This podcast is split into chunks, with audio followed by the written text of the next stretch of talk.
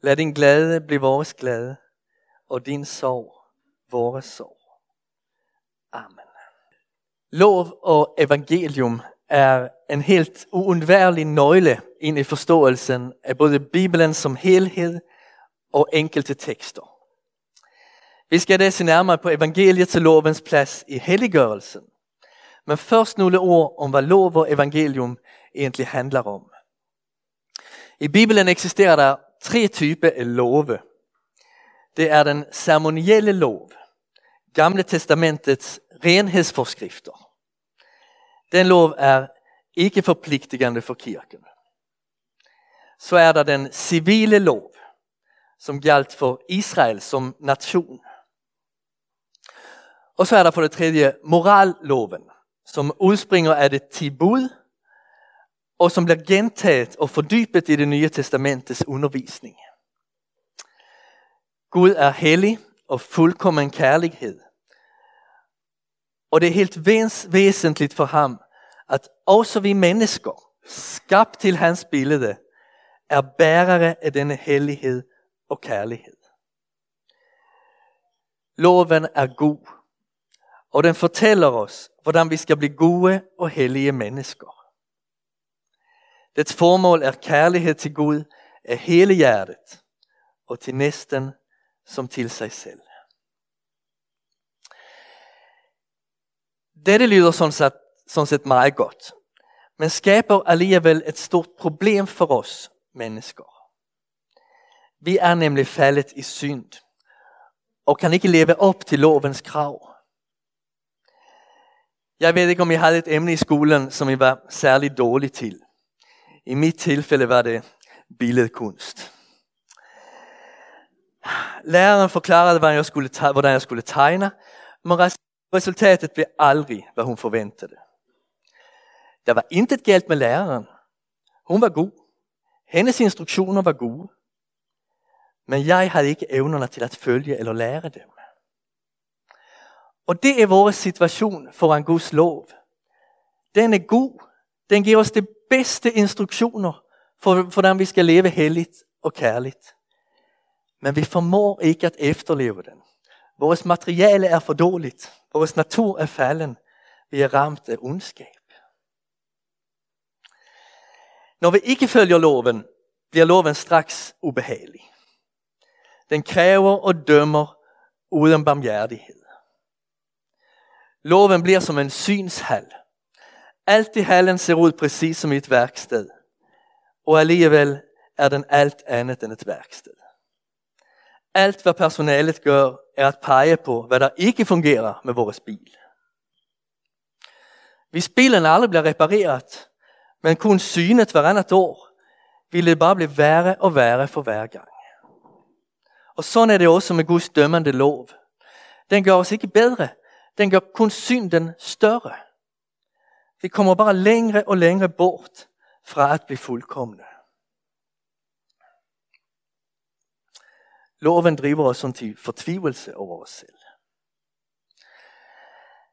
Hvad så med evangeliet? Det er budskabet, at Gud i Kristus har forsonet verden med sig selv. Gud er universets yderste retsinstans. Det er hans pligt at opretholde loven retfærdigt straffe ondskaben, straffe synden. Og det har han også gjort. Men i stedet for at straffe os hver især, straffede han sin søn, Jesus Kristus. Kristus levede retfærdigt i vores sted, og han døde retfærdigt i vores sted. Han tog straffen for vores skyld. Og derfor tilbyder Herren os nu at ved tro modtage tilgivelse og frelse til evigt liv. Så for at formulere det lidt summarisk her. Loven siger gør. Evangeliet siger gjort. Loven afslører sygdommen. Evangeliet giver os medicinen. Loven kræver og dømmer. Evangeliet lover og skænker. Vores spørgsmål i dag er dette. Da et menneske har fået Guds nåde og blevet erklæret retfærdigt, Hvad skal det så med evangeliet og loven? Hvordan bruger Herren evangeliet og loven for menneskets helliggørelse? Lad os starte med evangeliet. Man kan godt synes, at det er vanvittigt at erklære et menneske retfærdigt allerede i dåben. Er det ikke som at sige til en studerende, uanset hvor godt eller dårligt du klarer eksamen i dette kursus, som vi starter i dag, så giver jeg dig højeste karakter. Betyder ikke retfærdiggørelse ved tro alene, at der ikke er noget at kæmpe for? Tilgivelsen og det evige liv gives et menneske allerede fra starten af. Ja, det er en forståelig, den er en forståelig indvending. Men den har mindst en stor svaghed.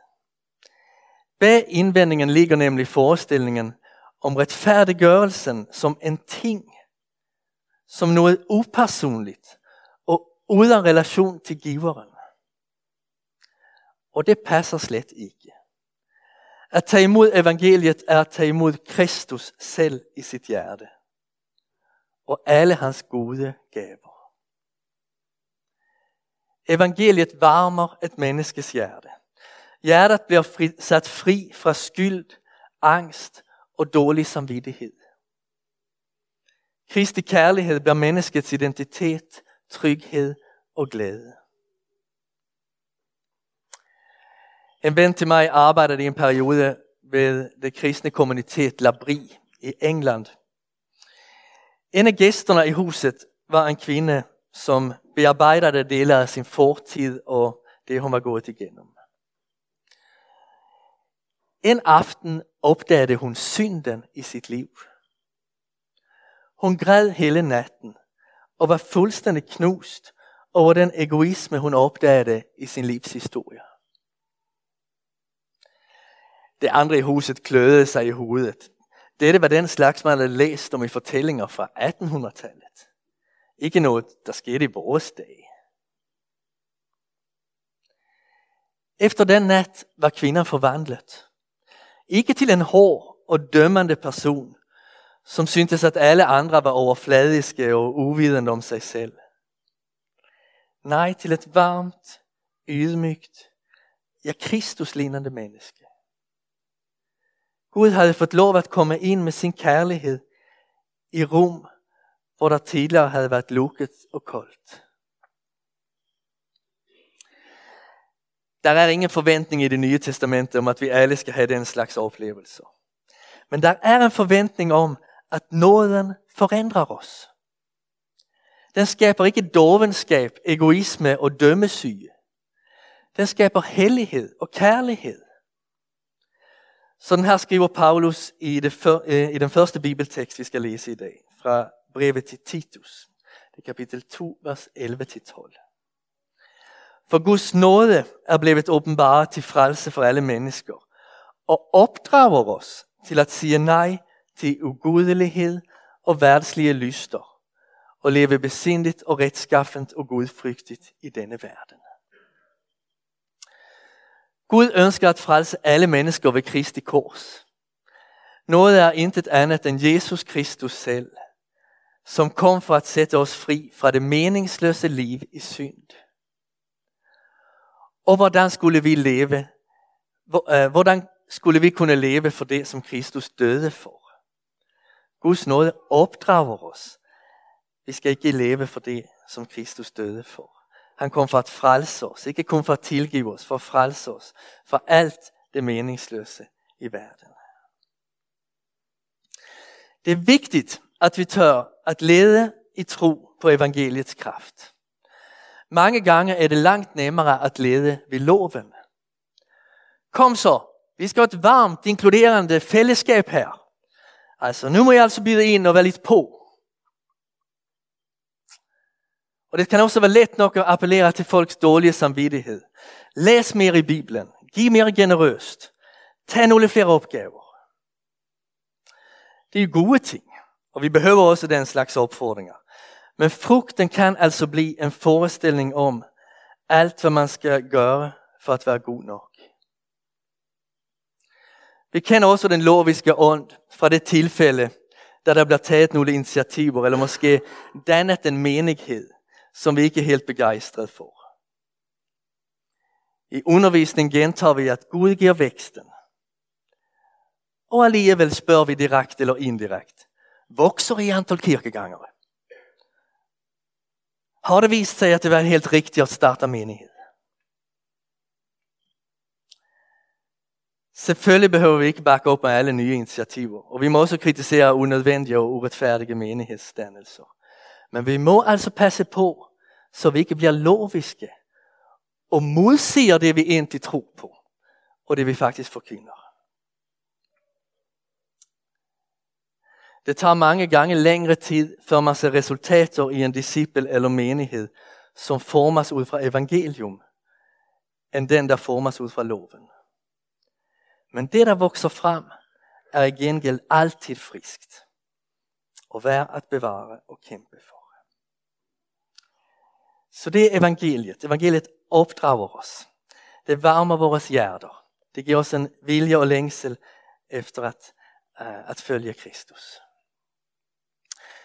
Men hvad er så vores relation til moralloven og til det bud, som Jesus og apostlerne giver os? Vores anden tekst læser vi fra 1. Korintherbrev 9, vers 20-21. For jøderne er jeg blevet som en jøde for at vinde jøder. For dem, der lever under loven, er jeg blevet som en, der står under loven, for at vinde dem, selvom jeg ikke er under loven. For dem, der er uden lov, er jeg blevet som en, der er uden lov, for at vinde dem, selvom jeg ikke er uden lov, men er under Kristi lov. Paulus står ikke under loven. Han møder aldrig loven som en nøgen fordømmende kraft. Det er helt slut med det. Han er erklæret retfærdig og lever sit liv i troen med et rent og frit hjerte. Paulus står heller ikke uden lov. Han er ikke lovløs og fri til at følge alle sine impulser. Den slags frihed er et slaveri. Paulus står under Kristi lov. En kristen står ikke under loven, ikke uden loven, men under Kristi lov. Hvad betyder det? Det var ikke så let. Det betyder, at den kristne ikke står i direkt relation til loven. Den skal ikke svare for den den har lykkedes at følge loven. Den skal svare for sin tro og venskab til Kristus. Men nu er det sådan, at Kristus elsker loven. Med største glæde følger han den i alt. Og det smitter af på en kristen. Når vi elsker Kristus, begynder vi at elske den lov og den visdom, som han elsker. Vi ser, at loven beskriver den reneste form for kærlighed. Desuden får vi del af Helligånden, som vejleder os ind i denne lov. Fra at have været en fordømmende kraft, bliver loven en vejledende ven. Den leder og korrigerer os. Loven er blevet Kristi lov. Vi tar alltid imod den sammen med Kristus. Vi kan sammenligne loven vi to, med, ved to helt utopisk, fantastiske, utrolige svigerforældre. Hvis en kvinde elsker sin mand, begynder hun at elske det, som han elsker. Og til det hører i dette tilfælde, helt ideelle tilfælde, ikke mindst hans forældre. Især som han hævder, at det er dem han og kun dem han har at takke for alt, hvad han har lært og blevet til. Svigerforældrene kan ikke fordømme hende. Det er ytterst, det er ikke foran dem, hun skal svare for sig. Det skal hun foran sin mand. Men eftersom det viser sig at være så utopisk fantastisk, så suger hun gerne til sig al deres visdom og godhed. Hun respekterer dem 100 procent. Kristi lov er god. Den opdrager, vejleder og formaner os. Men den fordømmer os aldrig. Den siger ikke, gør, så bliver du frelst.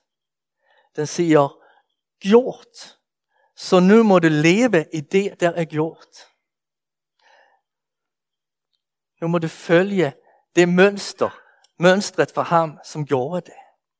Han som fulgte loven og holdt loven. Så både evangeliet og Kristi lov opdrager os, vejleder os til Kristi lighed. Den tredje og sidste tekst, vi skal læse på temat loven, evangeliet, eller den begge, er fra Romerbrevet 8, vers 12-14. Brødre og søstre, så skylder vi da ikke kødet at leve i lydighed mod det. Hvis I lever i lydighed mod kødet, skal I dø. Men hvis I ved åndens hjælp dræber lemets gerninger, skal I leve. For alle, som drives af Guds ånd, er Guds børn. I har ikke fået en ånd, som giver trallekår, øh, så I atter skulle leve i frygt. Men I har fået den ånd, som giver barnekår, og i den råber vi, Abba, Fader. Gud er af evighed. Alt, der eksisterede, før han skabte himlene og jorden, var hans kærlighed, hans elskede søn og helligånden. Det var det eneste, der eksisterede. I hele det universum, som ikke var eksisterende. Ja. Og alt dette evige, sin kærlighed, sin søn og sin helligånd, det har faderen givet til os. Vi er blevet Guds børn og fået disse fantastiske gaver. Betyder dette, at vi kan slappe af? Eller betyder det, at der nu er forventninger på os? For at forstå Paulus svar her, skal vi først høre, hvad Jesus siger til fariseerne i Johannes evangeliets 8. kapitel. 8. kapitel. Han forklarer dem, at det er Abrahams børn i den forstand, at det tilhører Abrahams slægt. Men det er ikke Abrahams sande børn, fordi det, det lever ikke sådan, som Abraham gjorde. Hvis I var Abrahams børn, ville I gøre Abrahams gerninger, siger han til dem. Så at være barn er både at være biologisk barn og at leve som øh, sin, øh, sin så forfader gjorde. Og denne dobbelthed finder vi her hos Paulus. Vi er Guds børn, og således forventes, forventes det af os, at vi begynder at leve sådan, som det kan, kan forventes af Guds børn. At vi drives af Helligånden. Vi kan formulere det med vores tidligere terminologi. Evangeliet siger, vi lever ikke under loven i frygt for straf. Vi lever under Guds faderlige nåde og, til, øh, og råber til, til, tillidsfuldt, Abba, Fader. Så det evangeliet siger, vi er frie, vi lever under Guds kærlighed, vi er hans børn. Og Kristi lov siger, som Guds børn skal vi nu drives af Guds ånd og dræbe syndens gerninger. Vores faders glæde er blevet vores glæde, og vores faders sorg er blevet vores sorg. Helligånden udruster os. Han skaber forståelse for og glæde over Kristi lov. Uden Helligånden er der ingen udsigter til fremgang i kampen mod lemets gerninger. Men Helligånden dræber dem ikke for os. Det er os, der skal gøre det. Vi skal leve det ud, som Helligånden arbejder ind i os. Hvis Guds gerning til frelse skal kunne blive i os, duer det ikke, at vi modarbejder den. Hvad betyder det at dræbe lemets gerninger? En del af os har prøvet at gå på diet. Ja, og to uger efter det, at vi startede, så sidder vi der i tv-sofaen og siger til os selv, jeg forstår altså ikke mine handlinger. Jeg skulle jo tabe mig, men nu sidder jeg her og spiser chokolade.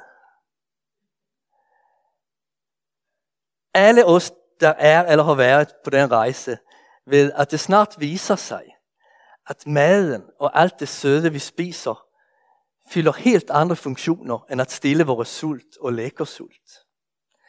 Den giver os trøst. Den dæmper vores angst. Den belønner os efter en stresset dag.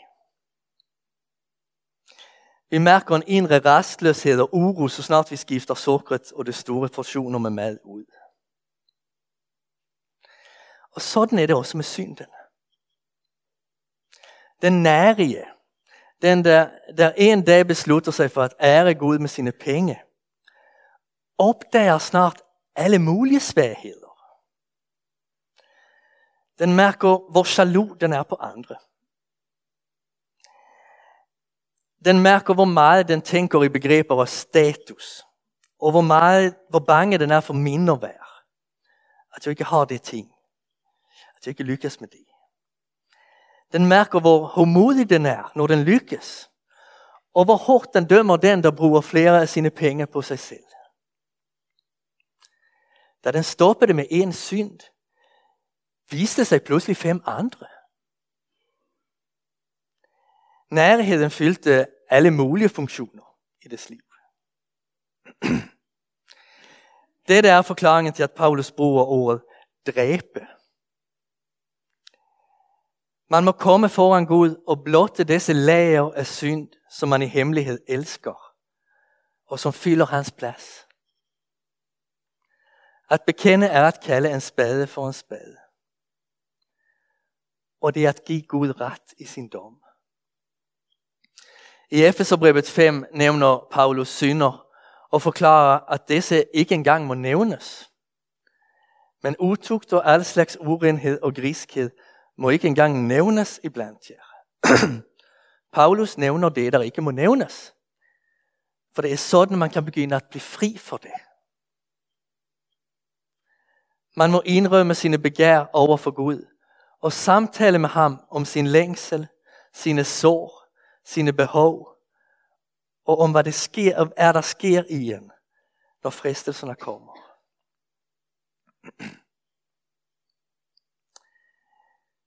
Så vi skal dræbe lemets gerninger. Og ett råd mere giver Paulus i den kampen. Og det er, at vi må tænke på høsten. Lydighed mod kødet fører til, fører til død. At dræbe lemets gerninger ført til liv. At tænke på høsten forandrer vores syn på, hvad vi laver her og nu. Vi formår lettere at acceptere kortvarig lidelse, selvbenægtelse, tab, hvis vi tror, at alt kan bruges til sejr i det lange løb. Hvis du fristes til at være utro, tænk over prisen for dig selv, for din karakter og andres tillid til dig. Tänk på din kone och deras år som föräldrar och bedsteforældre. Tänk på dine børn. Tänk på hvad I som familie har opbygget op og fortsætter at bygge op. Læg en tid af lyst og bekræftelse i den ene vægtskål. Og mange år af fællesskab i den anden. Hvilken høst ønsker du? Og det kan anvendes i mange specifikke situationer. Hvad bliver den yderste høst af denne tanke, handling, dette mønster, denne opførsel? Den store høst kommer først i himlen. Og det bliver en god høst. Men sådan er det for en kristen. Det bedste ligger ikke bagud, det ligger foran. Men allerede nu må vi begynde at høste. Kvinnan jag fortalte om tidigare, der græd en hel nat over sin synd. Jamen hun er jo et eksempel på det. Hun kunne høste Kristus lighed. Og til tider fornemmer vi Helligåndens mærkbare forvandling i mennesker. Det kan begynde, det kan begynde at lyse af Guds nåde allerede her på jorden.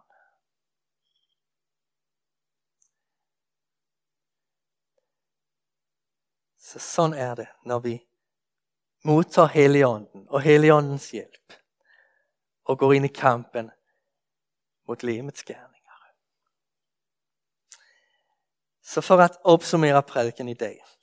Evangeliet siger gjort.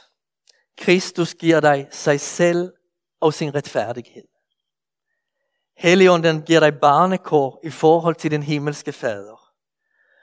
Råb som et barn Abba, Fader. Og glæd dig over venskabet med Kristus. Evangeliet former os og opdrager os. Kristi lov siger, jeg fordømmer dig ikke. Du er fri i Kristus. Men jeg vil gerne vejlede og formane dig. Lad Guds nåde hjælpe dig og drive dig til at leve som Guds barn i kamp mod synden. Tag imod loven i fællesskab med Kristus som en vejledning til livet i kærlighed og hellighed. Amen. Gud, vi takker dig for frelsen ved din nåde. Tak, at vi har lov til at kalde os dine børn. Vi beder om, at du må forme os ved din hellige ånd. Lad os mere og mere få lov til at ligne Kristus. Bevar os fra at elske det, som du har frelst os fra.